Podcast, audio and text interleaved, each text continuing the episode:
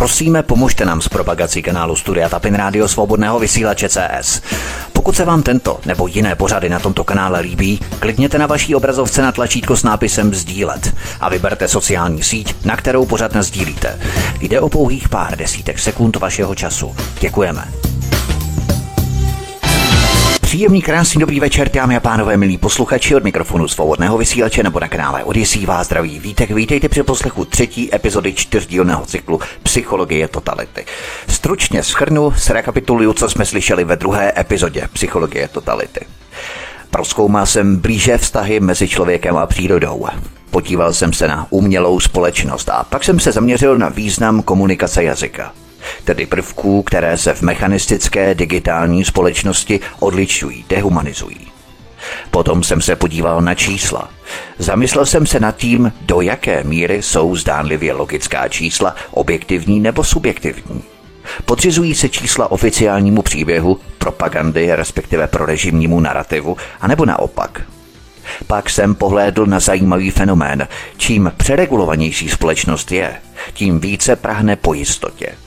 To souvisí s naší ranou vývojovou psychologií, kdy se formuje naše vzhlížení k autoritám, ale také narcismus, nejistota a egoismus. Vývojová psychologie egoismu a narcismu. Velký francouzský vývojový psycholog Henry Wallon se všiml, že na tvářích dětí, které komunikují se svými vychovateli, je od samotného počátku vidět něco, co u žádné jiné bytosti nevidíme. Když novorozenec fixuje a napodobuje mimiku matky, jeho tvář už vyjadřuje jemný tázací pocit, jako by se i v této velmi rané fázi své existence setkával s ničím, co ve formálním jazyce druhého prostě chybí. Proto je lidské dítě, na rozdíl od mláděte zvířete, ve stavu hluboké nejistoty ohledně matčina vzdělení. A to stěžuje získání mentální kontroly nad ní. Co ode mě chce, co mám udělat, abych si zajistil její přítomnost? To také vysvětluje jeden z nejpodivnějších jevů, které se ve vývoji dítěte vyskytují. Přibližně ve věku 6 až 9 měsíců se dítě poprvé poznává v zrcadle – to samo o sobě není u člověka nic tak výjimečného. Bez problému to dokážou například i delfíni a vyšší druhy opic. Jak si ale všiml Charles Darwin, rozpoznávání u lidského dítěte je doprovázené ničím, co se nevyskytuje u žádného jiného zvířete. Dítě jásá radostí. Čím je toto rozpoznávání v zrcadle tak příjemné, zatímco ostatní zvířata nechává zcela lhostejnými? Na rozdíl od zvířete trpí lidské dítě neustálým napětím způsobeným věčnou neuchopitelností světa symbolů, do kterého je ponořené od prvních okamžiků své existence. A to platí zejména v souvislosti s nejzásadnější otázkou. Co ode mě matka chce? Toto napětí je okamžitě odstraněné, když tam před svýma očima spatří zrcadlový obraz, se kterým se shoduje a na který matka s velkým nadšením ukazuje – tento obraz dítěti okamžitě říká, kým je a kým musí být, aby se stalo předmětem matčiny touhy. Zdá se, že tento obraz v zrcadle najednou a v celé své konkrétnosti nabízí odpověď, kterou jazyk nikdy nemůže poskytnout. Já jsem to pro toho druhého. Tato zkušenost je archetypem narcistické zkušenosti je tak ohromující, že někteří lidé takovou zkušenost v pozdějším věku obsedantně vyhledávají ve snaze vyhnout se pocitu nedostatku a nejistoty v mezilidských vztazích. Tato zkušenost si ale také vybírá svou dáň. A to jak pro vztah, tak i pro jednotlivce. Aby se dítě vyhnulo opětovnému výskytu základní nejistoty, Musí se zapojit do agresivního soupeření se všemi ostatními, které také přitahuje pozornost matky. Později objektu lásky. Objektem matky může být pouze jedna osoba. Čím více se člověk rozhoduje ovládnout nejistotu prostřednictvím identifikace se zrcadlovým obrazem, tím více musí ostatní převyšovat, zlehčovat a dokonce i ničit. V podstatě tím více ztrácí svou lidskost. Toto odlištění je navíc posilované tím, že identifikace s vlastním zrcadlovým obrazem snižuje schopnost empatie. Tato identifikace poskytuje dítěti poprvé globální vizuální obraz vlastního těla. Tento globální obraz umožňuje dítěti poprvé nakreslit hranici. Doslova mentální čáru kolem svého těla. To je do zbytné míry nezbytné pro vybudování stabilní struktury ega. Bez takovéhoto obrazu nemůže dítě mentálně prožívat samo sebe jako jednotku. Při nadměrném narcismu se ale mentálně vizuální hranice mezi člověkem a tím druhým stává tak tlustou a výraznou, že se člověk v tomto sebeobrazu mentálně uzavírá. Vizuální sebeobraz pak přitahuje mentální energii a pozornost do té míry, že obraz druhého už v mentálním prožívání prostě nesvítí. Výsledkem je, že člověk už nemůže pocitovat sounáležitost nebo empatii s druhým člověkem nebo světem. Jinými slovy, nadměrný narcismus jde na úkor empatie. V posledních desetiletích jsme svědky toho, že spolu s nárůstem strachu a nejistoty roste také narcismus a sebestřednost. To vidíme zejména u mladé generace. Stalo se takovým kliše říkat, že se společnost stále více zaměřuje na vnější krásu, ale něco pravdy na tom bezesporu je. Počet chirurgických zákroků, které upravují tělo tak, aby se podobalo společenskému ideálu, rychle roste. Prodej steroidních a proteinových koktejlů, které mají tělesný stroj donutit k vizuálnímu ideálu, se velkolepě rozrostl. A také nezbytné pořizování selfieček tvoří součást zavedeného repertoáru společenského chování. Domy a zahrady se podobají inscenovaným fotografiím z časopisů o bytových dekoracích. Reklamy a billboardy prezentují stylizované ideály aut, účesů a oblečení. V podstatě se tento trend redukuje na rostoucí posedlost klamnými vizuálními řešeními ve snaze odstranit neřešitelné nejistoty v lidských vztazích. Současně samozřejmě pozorujeme i prudký nárůst psychologických jevů spojených s nadměrným investováním do vnější ideální krásy. Prožitky osamělosti a vnitřní prázdnoty. Pocity vyčerpávajícího soupeření s ostatními. Takzvaný krysý závod. Jak s druhým vyorat pro vlastní výhody. Jak se po jeho zádech vyšplhnout na vyšší pracovní pozici. Jak s ním vydrbat, jak ho opískovat.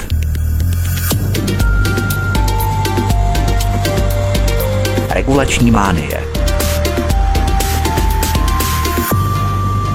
Kromě narcismu existuje ještě druhý sociální jev, který přímo souvisí s nárůstem strachu a nejistoty. Enormní nárůst počtu pravidel, někdy označovaný jako regulitida. Tuto regulační mánii můžeme velmi jednoduše zasadit do stejné vývojové psychologie, kterou jsem popsal před chvílí. Rozpoznání vlastního zrcadlového obrazu zajišťuje, že dítě je schopné psychologicky vymezit své vlastní bytí, tedy tělo vůči okolnímu světu. Teprve v tomto okamžiku začínají pro dítě mentálně existovat vnější objekty. To způsobuje změnu funkce jazyka. Slova najednou začínají odkazovat k těmto vnějším objektům, nabývají referenční funkce. Tím také získávají význam. Ve chvíli, kdy slova získají význam, se vztah s druhým také pozvedne na jinou úroveň. Dítě se najednou obsedantně snaží porozumět slovům, kterými druhý vyjadřuje své touhy.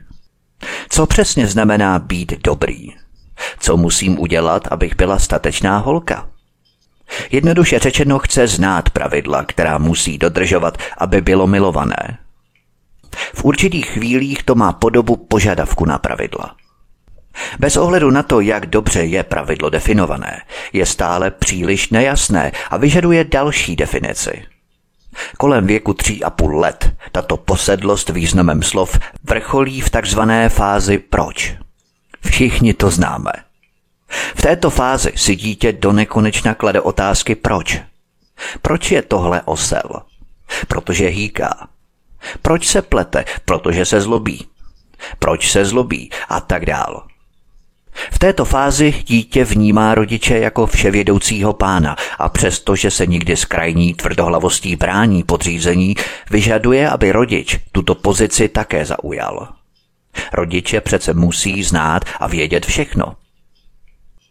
Pokud rodič nedokáže určit, co chce dítě, neví, jak jeho přání vyhovět. A právě to je ten bod, ve kterém je dítě konfrontované s lidskou prvotní nejistotou a je ovládané lidským prvotním strachem. Být opuštěné druhým, především matkou, protože není milované. Pokusy dítěte učinit tato pravidla jednoznačnými a definitivními jsou odsouzené k nezdaru, protože lidský jazyk opět nikdy nemůže získat definitivní význam. Čím úporněji se dítě snaží učinit pravidla jednoznačnými tím, že se ptá rodičů, tím více se nevyhnutelně ztrácí ve složitých a protichůdných výkladech. Později se děti od tohoto požadavku na pravidla nakonec osvobodí tím, že přijmou, že definitivní odpověď na otázku prostě neexistuje. Tuto vývojovou psychologii můžeme aplikovat i na sociální úrovni. Není těžké přehlédnout, že společnost stále více zabředává do nekonečného množení pravidel. Na jedné straně jsou tato pravidla vnucovaná vládou, na druhé straně ale existuje také volání po dalších pravidlech ze strany části politicky korektní populace. Stejně jako v případě narcismu, jde o spěsilý pokus zvládnout příval strachu a nejistoty v mezilidských vztazích. Je to skutečně pozoruhodný jev. Od počátku 21. století vzniká z osvícenského myšlení nová morálka, která je v řadě ohledů přísnější, vágnější, iracionálnější a pokrytečtější než předchozí náboženská morálka, kterou se osvícenství snažilo vymazat, aby lidi osvobodilo. S nástupem vouk kultury se společnost stala obětí pravidel, která znejistila každý detail lidské interakce. V důsledku hnutí mýtů se studenti učili, jak legálně a poddajně flirtovat. Švédsko zavedl zákon, podle něhož je sex legální pouze v případě, že zúčastněné strany předem vyjádří svůj souhlas prostřednictvím podepsané smlouvy. Nahé postavy z obrazů vlánských mistrů v Bruselu se už nesmějí zveřejňovat na sociálních sítích. A Netflix zavedl pravidlo, podle něhož oční kontakt mezi zaměstnanci nesmí trvat déle než pět vteřin a zaměstnanci se nesmějí sami navzájem ptát na telefonní čísla, aniž by se nejprve vyžádali povolení k tomuto vyžádání. Musíte mít povolení k tomu, aby vám bylo povoleno zeptat se jiného zaměstnance na telefonní číslo. Džungle absurdních pravidel. Nová norma se stala tak přísnou, že i naznačení fyzického rozdílu mezi mužem a ženou může být považované za porušení sexuální integrity. A teď mi prosím pěkně řekněte, v čem se tohle všechno liší od náboženské morálky před příchodem osvícenství? Vracíme se v proudu času zpět. Důsledky osvícenství jsou daleko horší než středověká etika, morálka a náboženství. V tomto trendu je zachycené i hnutí Black Lives Matter. Tendence ke stále vyčerpávajícím normám ohledně rasismu zesílila. Šance, že taková pravidla skutečně přispějí k překonání narcistických pocitů nadřazenosti, které jsou s rasismem spojené, je ve skutečnosti poměrně malá. Klimatické hnutí také dalo vzniknout nové kategorie trestných činů – ekologickým zločinům. Používání kamen na dřevo, konzumace masa nebo život mimo síť na venkově. To všechno je považované za porušování životního prostředí. Environmentální ideologie byla dovedena do takového extrému, že se stala protikladem toho, o co původně usilovala. Tedy návratu k přírodě. Porušování životního prostředí je také poměrně selektivní a nedůsledné ve své přísnosti. Například snižování uhlíkové stopy je dovedené do extrému. Ale všimli jsme si například, že se nehovoří o spotřebě energie při používání internetu, která je stejně vysoká jako spotřeba energie z veškeré letecké dopravy dohromady. Nebo mluví se o těžbě bitcoinů, která je stejně vysoká jako spotřeba energie průměrné západoevropské země? O tom se pozoruhodně mlčí. Nebo mluví se o škodách na životním prostředí způsobených těžbou rud pro baterie do elektromobilů? O tom se také zarytě mlčí. Ekologické hnutí bylo kdysi disidentským hlasem, ale s obratem k ekomodernismu sjevně splynulo s dominantní mechanistickou ideologií. Tato regulační mánie je přímo viditelná i ve veřejném prostoru. Vezměme si obyčejnou křižovatku. Dříve to byla velká asfaltová plocha s několika řídkými bílými čarami. A co dnes? Dnes je to mozaika čar, barevných ploch, které označují, kudy smějí a nesmějí jezdit cyklisté, chodci a auta, a na kterých je namontováno stále více dopravních značek a semaforů. A nejde jen o křižovatky. Na nádražích si musíme koupit lístek, abychom měli přístup na toalety. Žluté čtverce označují místa, kde se kuřáci mohou oddávat své nebezpečné závislosti a parkovat smíme jen na určitých vymezených parkovacích místech po určitou dobu. V době covidové krize dosáhl tento fenomén svého dočasného vrcholu. Na podlahách a schodištích bylo vyznačené nekonečné množství šipek, které ukazovaly, kudy a jakým směrem se má chodit. Jako kdyby směr chůze měl virus zastavit. Cedule připomínající, že je nutné nosit roušku. Ohraničené prostory vymezené nárazovými zábranami, které brání kontaktu jedné bubliny s druhou na festivalech a kulturních akcích. Červené a zelené tečky na židlích označující, kde si smíme a nesmíme v divadle sednout. Navíc džungle pravidel, která se aktivují v reakci na nejrůznější hrozby, se liší místo od místa. Během covidové krize mohou starostové ve svých jurisdikcích upravovat pravidla podle vlastního uvážení. A pravidla se mění i v průběhu času – Během bouří, terorismu a viru mohou snadno přepínat mezi zeleným, žlutým, oranžovým nebo červeným kódem.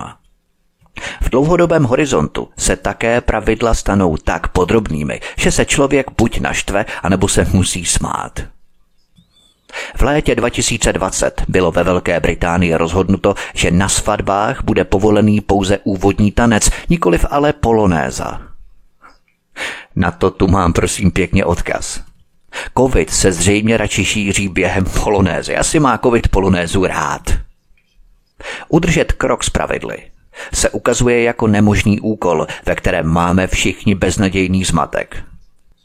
V diskurzu MeToo se stírají hranice mezi nešikovným flirtem a znásilněním.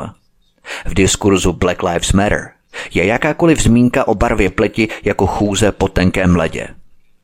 Klimatická hnutí ještě více odcizují člověka přírodě. A v souvislosti s covidovou krizí se zdravotní péče stala útokem na život a svobodu.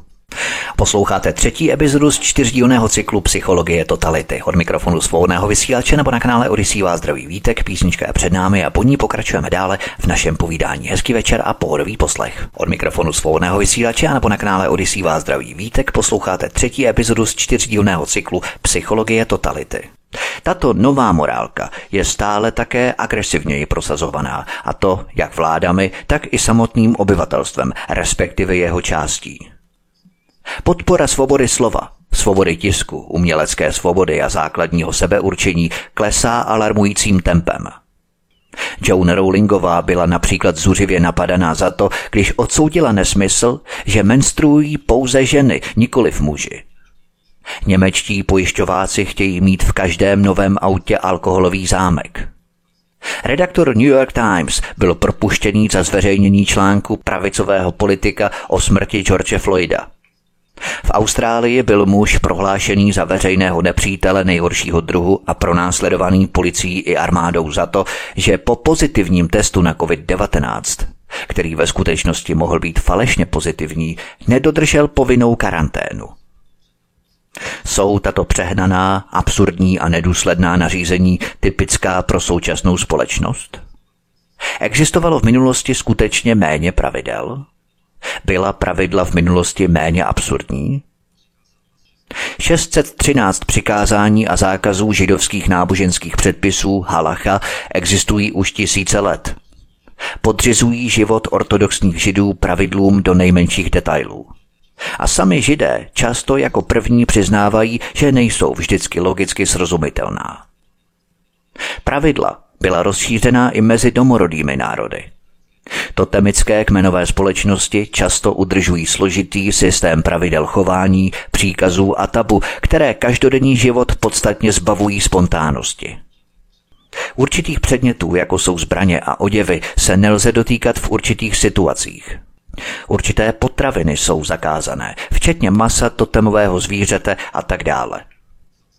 Samozřejmě, že jde o jiný druh pravidel. Náboženská, domorodá a moderní právní pravidla.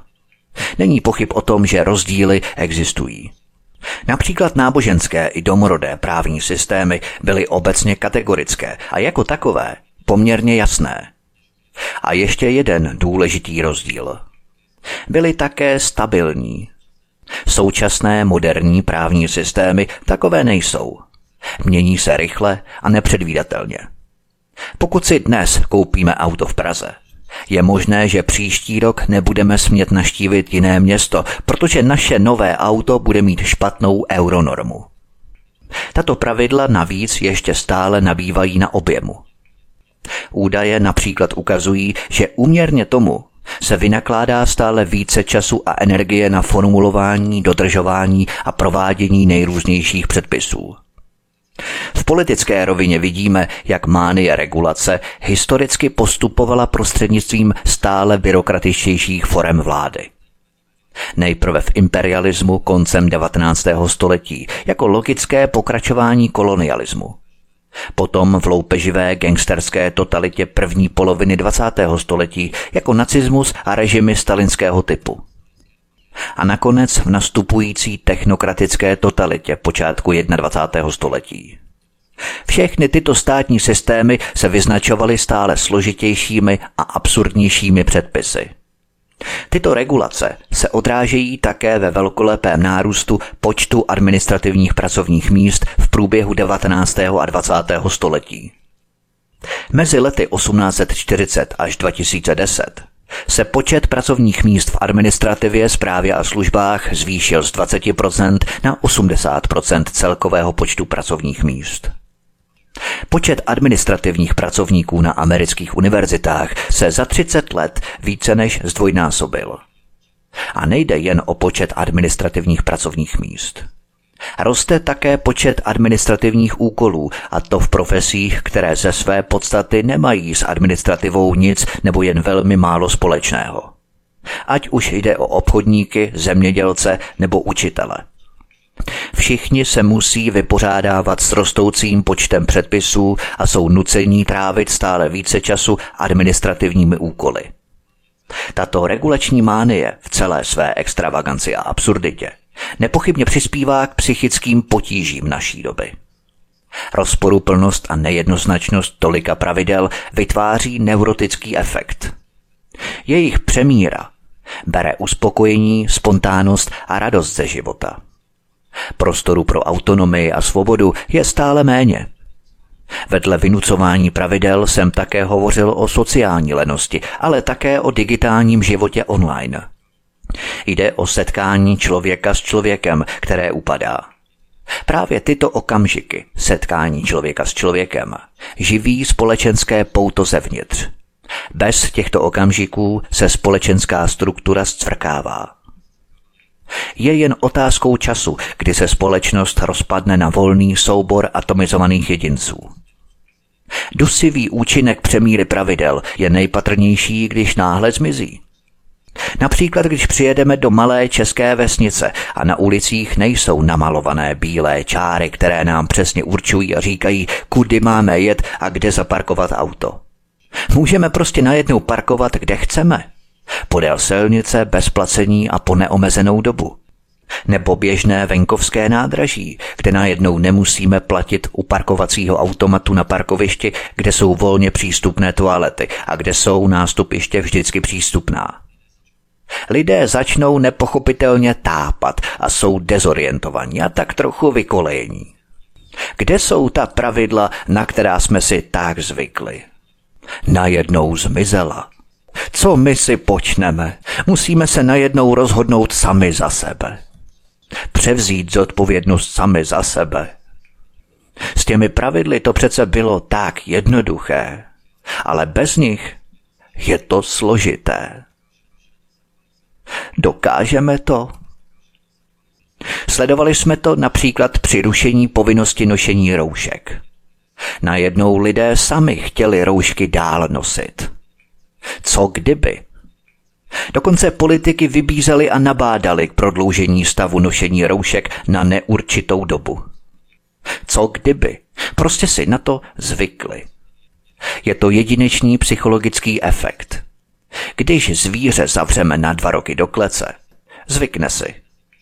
Když po dvou letech dveře od klece otevřeme, zvíře se krčí v rohu, ale nevyleze z klece ven na svobodu.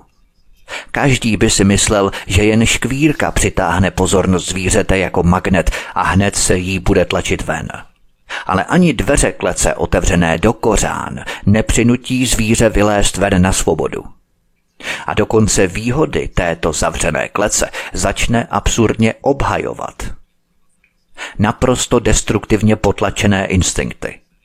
Sociální experiment s planetární klecí. Co je ta klec?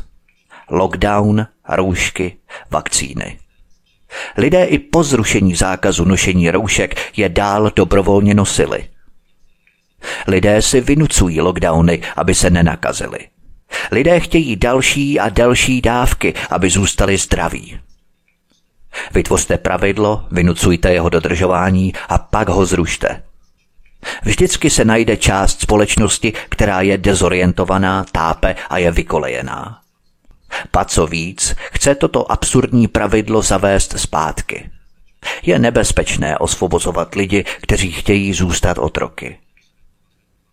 Tato přeregulovanost většinou pokročila, aniž bychom si to uvědomovali.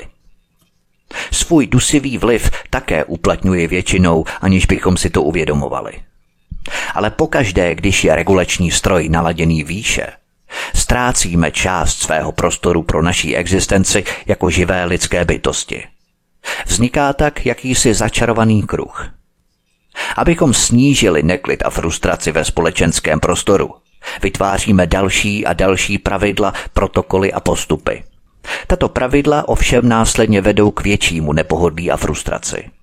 Na to reagujeme ještě většími pravidly – a pokaždé, když je regulační tkanina utkaná o něco těsněji, když je smyčka pravidel kolem našeho krku ještě více utažená, dostává se člověku méně kyslíku. Je to trend hyperregulované společnosti. Regulační mánie, tak jak se projevuje ve vládní byrokracii, se snaží zlogičtit a zracionalizovat sociální kontakty tím, že je vtěsná do předem připravených šablon. V tomto ohledu je ideální byrokrat stejně jako počítač. Vždycky se drží jako klíště logiky svého systému, aniž by se nechal rozptilovat nějakou individualitou lidí, kterým pomáhá. Tupý byrokrat nám, stejně jako počítač, vnucuje svou neúprosnou logiku škatulky. Bez jakékoliv citlivosti k naší individualitě jako lidských bytostí.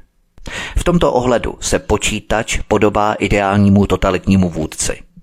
Přísně a bezohledně vnucuje obyvatelstvu svou logiku.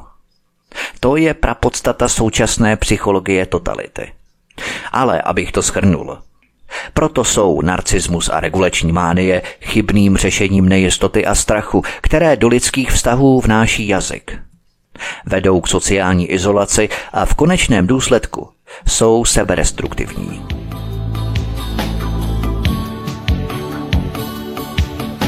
rovnocenost versus podřízenost. Vrátím se na skok ještě k vývojové psychologii.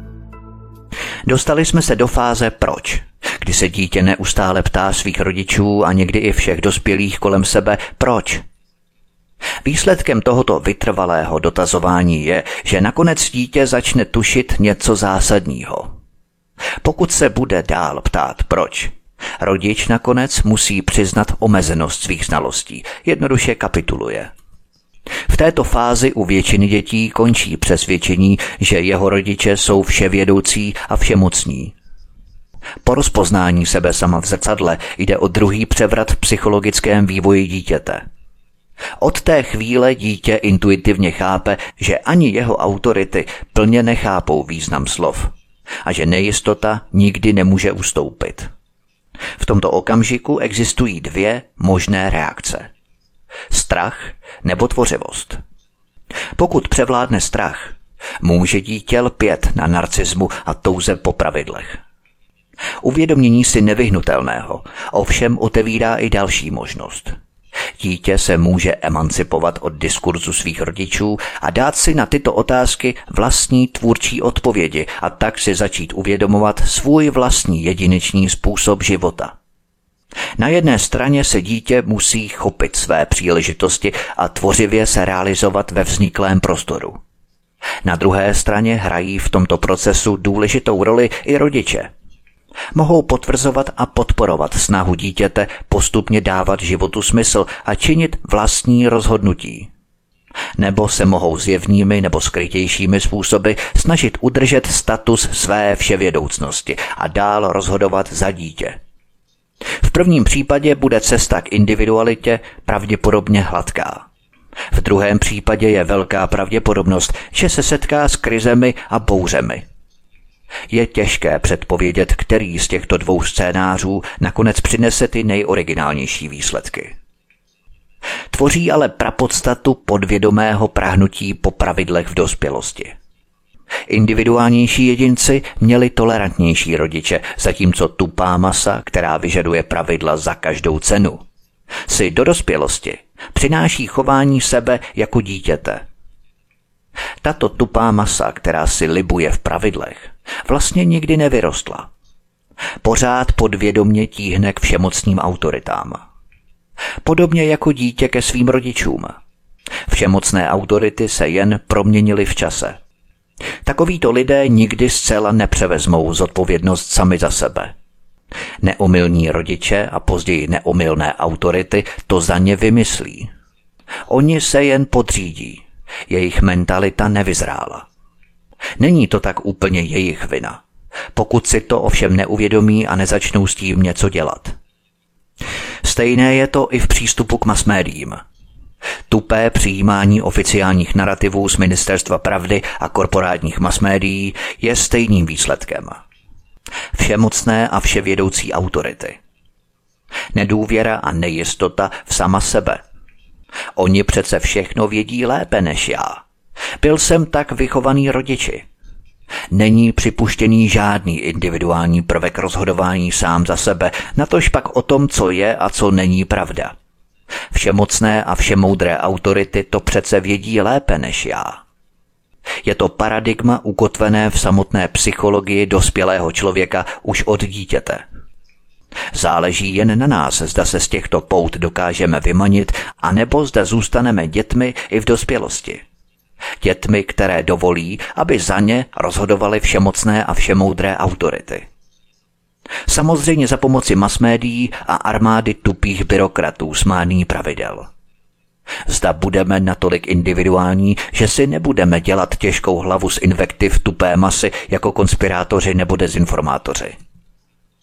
To jsou jen výkřiky bezradnosti, bezmoci a nejistoty našich vládců a jejich poskoků že nás nedokázali přesvědčit o jejich oficiální pravdě. Tyto výkřiky o dezinformacích a konspiracích jsou jejich vsteklým dětským dupáním zloby a hněvu, že je neposloucháme. Je to jejich výkřik bezmoci a nejistoty. Jsou bezradní, jejich mentalita je předurčuje k tomu, aby brouzdali po pískovišti a ničili bábovičky, které sami nepostavili. Když to nepomůže, Fláknou sebou o zem a hystericky vřískají. Konspirace, dezinformace. Je to výraz jejich bezmoci, bezradnosti a nejistoty. My jsme ale dostatečně sebevědomí nejen na to, abychom si těchto výkřiků nevšímali, ale abychom se dál rozhodovali individuálně sami za sebe, bez pravidel. Abychom si sami určili, co je pravda a kde ji hledat. Jsme tvůrčí osobnosti, které brainstormují své vlastní myšlenky nezávisle. Tento tvůrčí způsob je skutečným řešením narcismu nebo regulační mánie. Je to také řešení nejistoty, která je vlastní lidským stavům a lidské existenci vůbec. Spojuje nás s druhými a vede k souznění lásky, na místo psychické izolace a sebedestruktivity. Zároveň také tvořivě realizuje individualitu a psychickou suverenitu, nezávislosti. Posloucháte třetí epizodu z čtyřdílného cyklu Psychologie totality. Od mikrofonu svobodného vysílače nebo na kanále Odisí vás zdraví vítek, písnička je před námi a po ní pokračujeme dále v našem povídání. Hezký večer a pohodový poslech. Od mikrofonu svobodného vysílače nebo na kanále Odisí vás zdraví vítek posloucháte třetí epizodu z čtyřdílného cyklu Psychologie totality.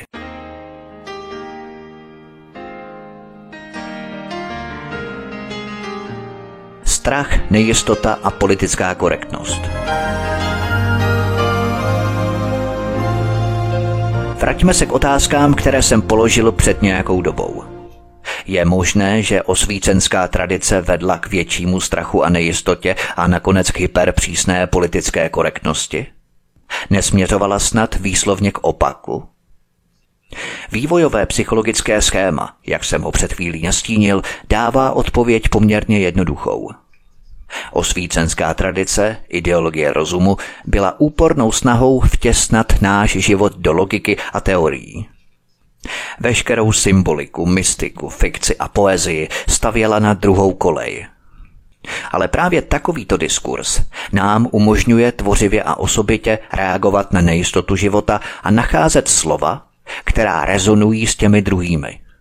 Tak se nejistota změnila ve strach – a jedinými dostupnými psychologickými prostředky boje proti tomuto strachu byly narcismus a nekonečně rozbujelé regulace.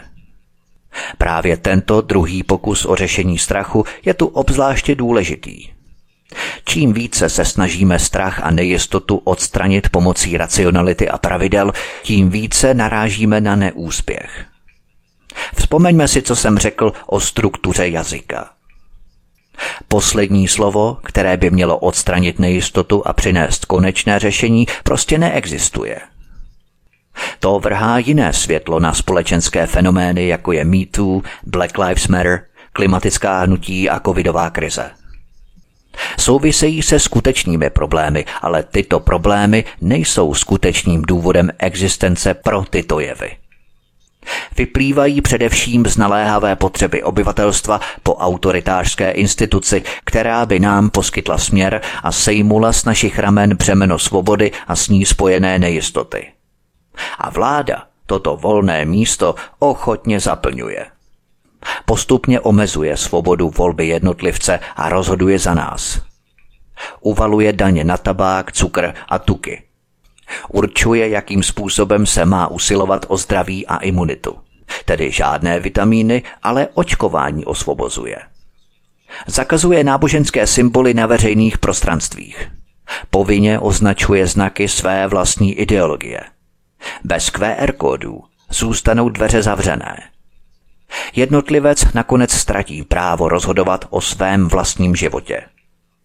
Tato výchovná a ukázňující funkce vlády se stává každým dnem složitější a proto je nezbytný účinný systém. Zpočátku se systém sociálního kreditu zdál být ničím, co by bylo možné pouze v komunistické totalitní Číně, ale Austrálie se chystá podobný systém zavést.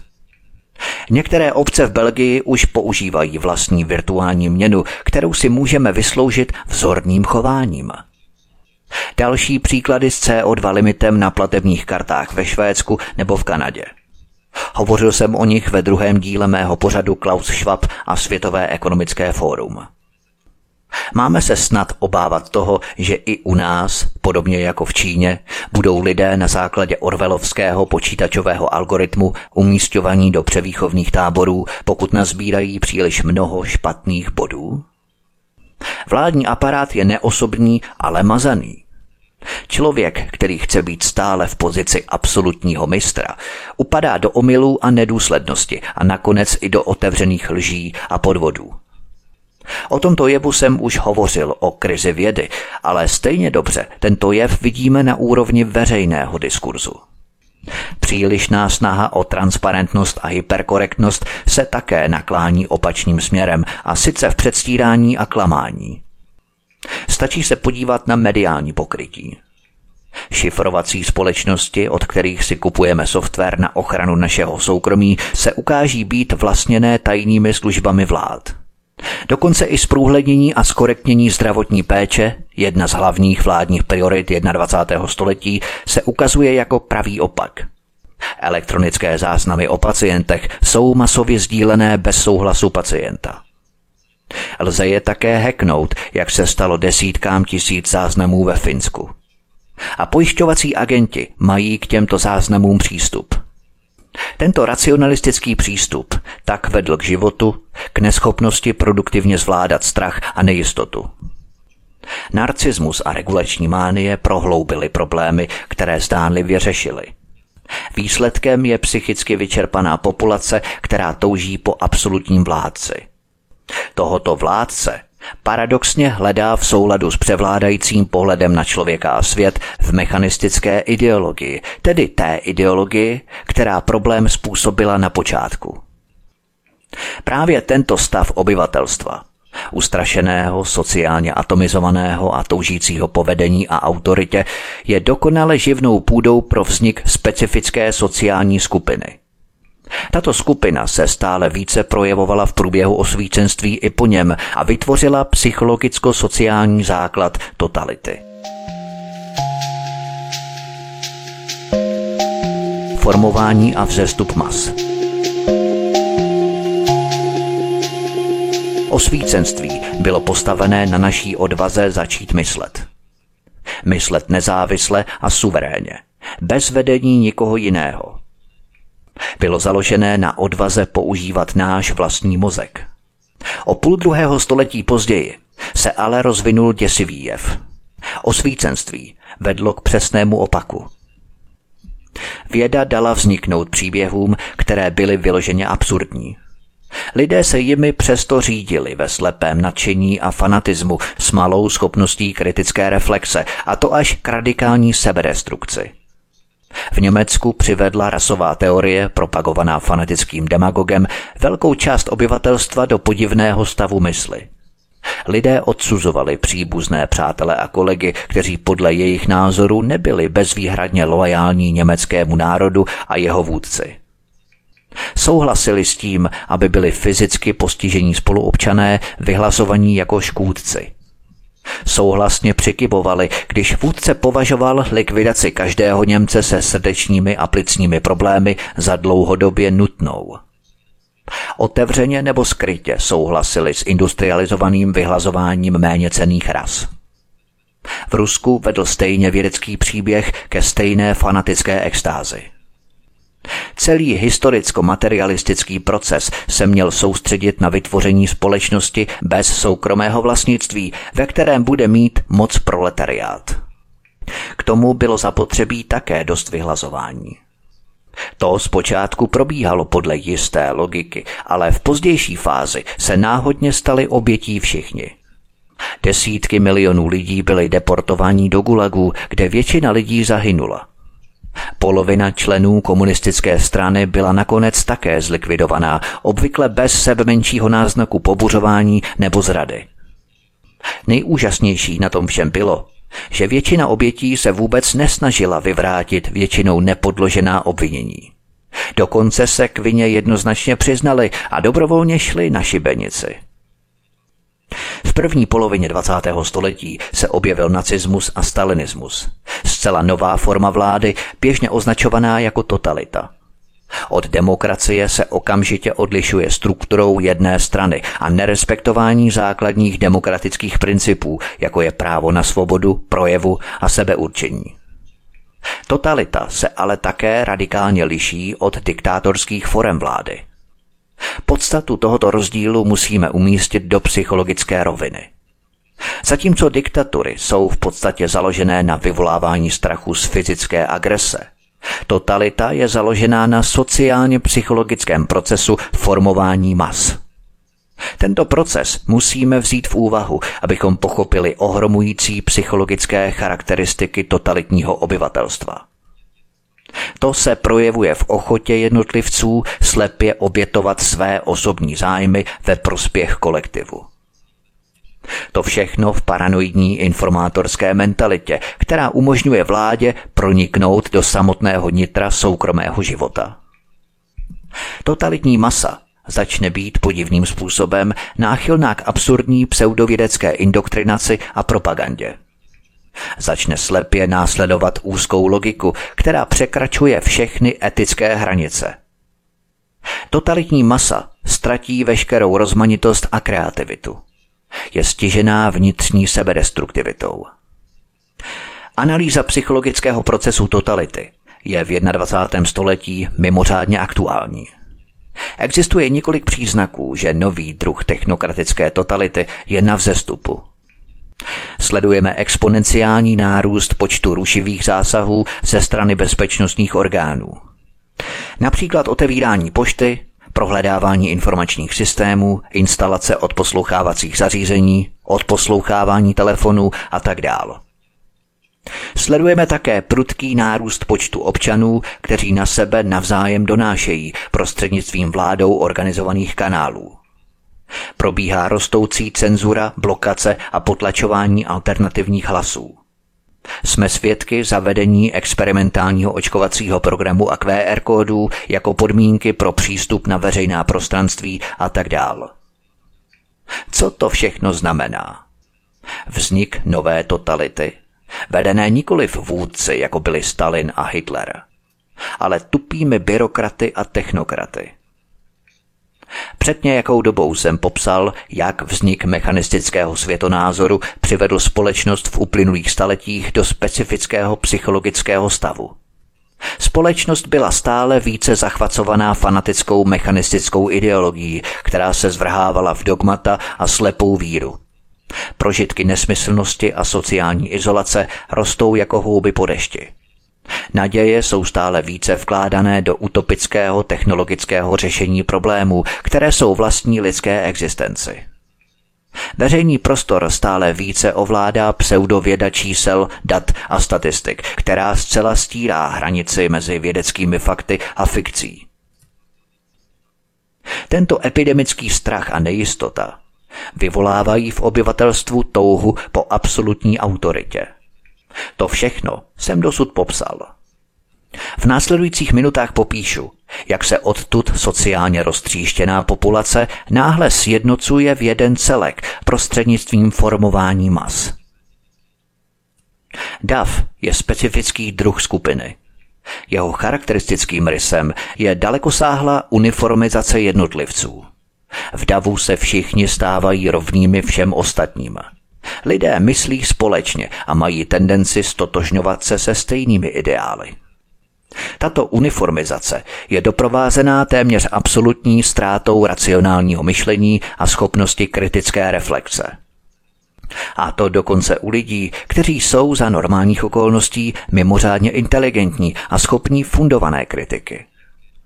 Je také doprovázená silnou tendencí podléhat podnětům, které by za normálních okolností byly považované za radikálně neetické. Formace masy je stará jako lidstvo samo a objevuje se v mnoha různých podobách. Masy existují od nepaměti. Ovšem počínaje 19. stoletím masy stále nabývají na síle. Stávají se stále vytrvalejší a vlivnější při tvorbě politiky – Masy mohou dokonce ovládnout společnost, což může vést k nové formě totality. A přesně to se stalo při vzniku totalitních států ve 20. století. Odkud se vzalo toto rostoucí formování mas? Bylo logickým důsledkem účinků racionalizace a mechanizace světa, o kterých jsem hovořil dříve. Stále více lidí se dostávalo do stavu sociální atomizace – a jakmile jejich počet přesáhl kritickou hranici, začal proces formování mas. Tvorba masy je složitý a dynamický jev, který lze přirovnat ke způsobu, jakým vznikají konvekční obrazce ve vodě nebo plynu při jejich zahřívání. V prvním případě teplo v jednotlivých molekulách vody stoupá, ale molekuly se ještě nepohybují. Potom lokálně vznikají malé pohyblivé obrazce, které rychle mizí. Následně vznikají stále větší a trvalejší obrazce. Nakonec vidíme obrazce, které trvale uvedou do pohybu většinu vody. Přitom konvekční obrazce zcela změní chování jednotlivých molekul vody a uvedou je do zcela nového stavu pohybu. Stejným způsobem přivádí tvorba hmoty jednotlivé lidi do nového psychologického stavu pohybu. A stejně jako v případě konvekčních vzorců ve vodě a plynu, jsou tyto vzorce zpočátku malé a krátkodobé. V pozdější fázi uvádějí do pohybu stále větší a větší společenské objemy po delší dobu. Vidíme to ostatně na postupující historii.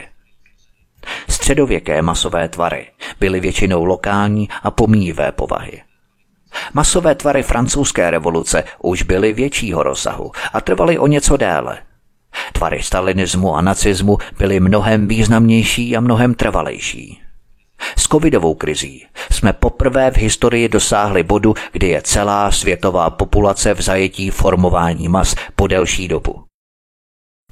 Posloucháte třetí epizodu z čtyřdílného cyklu Psychologie totality. Od mikrofonu svobodného vysílače nebo na kanále Odisí vás zdraví vítek, písnička je před námi a po ní pokračujeme dále v našem povídání. Hezký večer a pohodový poslech. Od mikrofonu svobodného vysílače a nebo na kanále Odisí vás zdraví vítek posloucháte třetí epizodu z čtyřdílného cyklu Psychologie totality.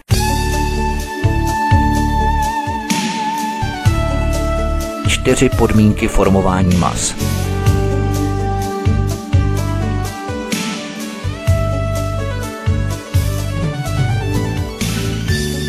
Aby mohlo dojít k rozsáhlému formování mas, musí být ve společnosti přítomné zejména čtyři podmínky. Tyto čtyři podmínky byly přítomné před nástupem nacismu a stalinismu a jsou přítomné i dnes. Už jsem je zmínil jako důsledky mechanistické ideologie, ale znovu je schrnu. První podmínkou je všeobecná osamělost, sociální izolace a nedostatek sociálních vazeb mezi obyvatelstvem. Mimochodem tento fenomén je dnes tak velký, že bývalá britská premiérka Theresa Mayová skutečně jmenovala ministra pro osamělost. Tato osamělost je silně spojená s používáním sociálních médií a komunikačních technologií. Vzpomeňme si na efekt digitalizovaných rozhovorů, o kterém jsem hovořil dřív. Tento problém je největší v průmyslově vyspělých zemích, tedy těch, které jsou nejpevněji v zajetí mechanistické ideologie. Hovořil jsem také o příkladu bohatých, ale ustaraných Spojených států amerických versus chudší, ale šťastnější Latinské Ameriky. Asi 30% lidí žijících v západních zemích uvádí chronické zkušenosti s osamělostí a izolací a toto procento se každým rokem zvyšuje. Tohle je velmi důležité a proto to musíme mít stále na paměti. Tento první stav je vážně ohromně důležitý, protože hlavní charakteristikou masového člověka není brutalita a zaostalost, ale jeho izolace a nedostatek normálních sociálních vztahů. Toto zhoršení sociálních vazeb vede k druhé podmínce. Nedostatku smyslu života. Tento druhý stav vyplývá především z prvního. My lidé jako společenské bytosti žijeme pro druhé. Odstraňme toto pouto s druhým a budeme prožívat náš život jako nesmyslný. Ať už vidíme souvislost s naší osamělostí nebo ne. Už dříve v tomto pořadu jsem například popsal, jak industrializace odstranila smysl práce. Částečně tím, že přerušila vazbu mezi člověkem, který něco vyrábí, a člověkem, pro kterého je to určené. Fenomén bullshit jobs je toho asi nejlepší ilustrací. Ve druhé dekádě 21. století byla polovina lidí toho názoru, že jejich práce nemá smysl. Světový průzkum Galupovy společnosti z roku 2013 zjistil, že pouze 13% lidí na celém světě je ve své práci skutečně angažováno. 63% uvedlo, že nejsou angažovaní. Svou práci prospí a možná jí věnují čas, ale nejsou do ní zapálení. A 24% je aktivně neangažovaných, což znamená, že aktivně demoralizují a demotivují své kolegy. To je velmi významné. Tedy první podmínka sociální izolace a nerušení sociálních vazeb. Druhá podmínka nesmyslnost života. Žádné cíle, kterým by člověk obětoval čas, chuť nebo energii. Třetí podmínkou je volně plovoucí úzkost a psychický neklid v populaci. Volně plovoucí úzkost je forma úzkosti, která není vázaná na obrazy. Na rozdíl od úzkosti, která je vázaná na obrazy, například strach z bouřky, hadů, války a tak dále. Takováto volně plovoucí úzkost je psychicky obtížně zvládnutelná. Představuje neustálé riziko, že předoste v paniku, což je pro člověka snad nejnepříjemnější psychický stav. Z tohoto důvodu se člověk v takovém stavu snaží spojit svou úzkost s nějakým objektem. Tuto volně plovoucí úzkost lze vysledovat zpět k prvním dvěma podmínkám – Člověk, který ztratil sociální vazbu s druhými a necítí smysl života, nemá žádné cíle a obvykle prožívá neurčitý neklid a úzkost. Tento stav je silně přítomen v prvním a druhém desetiletí 21. století. Světová zdravotnická organizace VHO například uvádí, že u každého pátého člověka na světě byla diagnostikovaná úzkostná porucha. Tato čísla jsou zarážející o to víc, že jsou pravděpodobně podhodnocená. Výskyt duševního utrpení obecně, včetně případů, které nejsou diagnostikované, je samozřejmě ještě daleko vyšší. Lze tak usuzovat mimo jiné z enormní spotřeby psychotropních léků. V malé zemi, jako je Belgie, s 11 miliony obyvateli, se ročně užije neméně než 300 milionů dávek antidepresiv. Je to normální? Tedy první podmínka sociální izolace a ztráta sociálních vazeb. Druhá podmínka ztráta smyslu života. Třetí podmínka volně plovoucí a neurčitá úzkost ve společnosti. Zejména u těch lidí, kteří nemají žádné životní cíle, kterým se věnují. A to ať v práci nebo své soukromé koníčky. Čtvrtá podmínka zase vyplývá z prvních tří. Spousta volně se vznášející frustrace a agrese.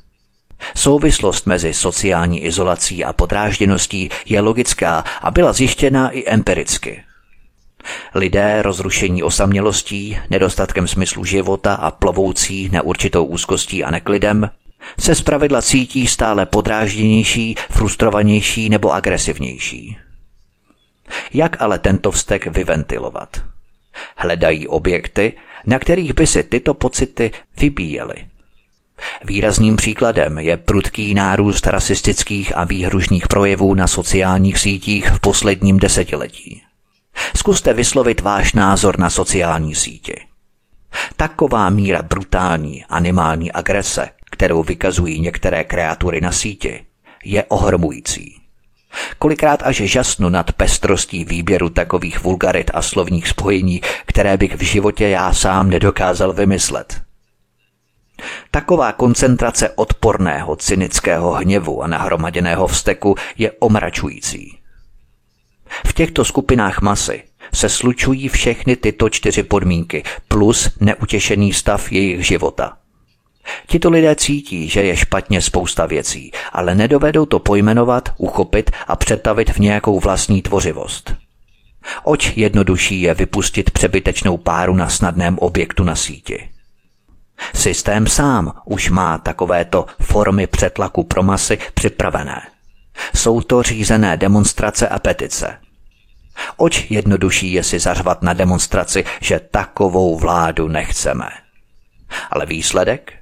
Vůbec žádný. Pak se ještě nakonec ve finále dozvíme, že šéf odborů a bývalý ministr financí, proti kterému byla demonstrace směřovaná, šli spolu hodinu po protestech na pivo, kde je nachytal televizní štáb. Lidé se spokojeně vyřvali na vládu, ale nic to neřeší. Druhý den odejdou stejným způsobem do práce jako den předchozí. Stejně jako petice. To jsme to té vládě nandali, že jsme podepsali petici pro jejich rezignaci. Petiční komise to vezme na vědomí, ale opět nic to nevyřeší. Takovéto upouštění přetlaku je v systému žádoucí. Jsou to korekční mechanismy proti skutečné, spontánní a autentické revoltě mas. To, co urychluje formování mas, není ani tak frustrace a agrese, které jsou účinně ventilované díky těmto mechanismům. Je to potenciál nevyvolané agrese přítomný v populaci. Agrese, která stále doutná, agrese, která hledá objekt, na kterém by si schladila žáhu. Jak přesně tyto čtyři podmínky vedou k formování masy? Katalyzátorem formování masy je sugestce ve veřejné sféře. Řekněme, že se v masových médiích rozšíří sugestivní příběh, který naznačuje objekt úzkosti. Například imperialisty za socialismu, židy za nacismu nebo antivaxery během covidové krize. Tento sugestivní příběh zároveň nabízí strategii, jak se s tímto objektem úzkosti, imperialisty, židy, antivaxery vypořádat. Izolovat je v karanténě, zavřít do pracovních táborů nebo rovnou zlikvidovat jako ohrožení společnosti. Za těchto okolností existuje reálná šance, že se veškerá volně proudící úzkost k tomuto objektu úzkosti upne. A vznikne tak široká společenská podpora pro realizaci strategie, která má tento objekt úzkosti ovládnout. Tento proces přináší pro totalitu psychologický zisk – za prvé, úzkost, která se dříve potulovala společností jako vágní mlhovina, je nyní spojená s konkrétní příčinou a může být mentálně kontrolovaná prostřednictvím strategie předložené v sugestivním příběhu. Za druhé, díky společnému boji s nepřítelem, získává rozpadající se společnost zpátky svou soudržnost, energii a elementární smysl – z tohoto důvodu se pak boj proti objektu úzkosti stává vznešenou misí, zatíženou patosem a skupinovým hrdinstvím. Například ten, kdo bojuje proti antivaxerům, je posvěcený jako hrdina, který úzkostnou společnost chrání před její skázou. Za třetí, v tomto boji se vybíjí veškerá latentní frustrace a agrese – zejména na skupině, která odmítá přistoupit na oficiální příběh a formování masy. Právě tohle přináší masám obrovské uvolnění a uspokojení, které je jen tak nepustí. Legitimizuje to potírání nesouhlasu vyšším zájmem dobra. S tímto procesem se jedinec otáčí ze stavu sociální izolace do maximální propojenosti, která existuje mezi masami – společný objekt úzkosti. Vzniká tak jakási euforie, opojení, které je skutečným podnětem k tomu, aby člověk šel s masou a jejím narrativem.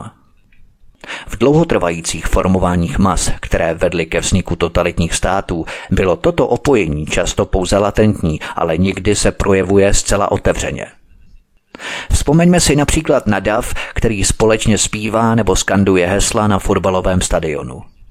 Hlas jednotlivce se rozpouští v ohromujícím, vibrujícím hlasu skupiny. Jednotlivec se cítí davem podporovaný a vstřebává jeho vibrující energii.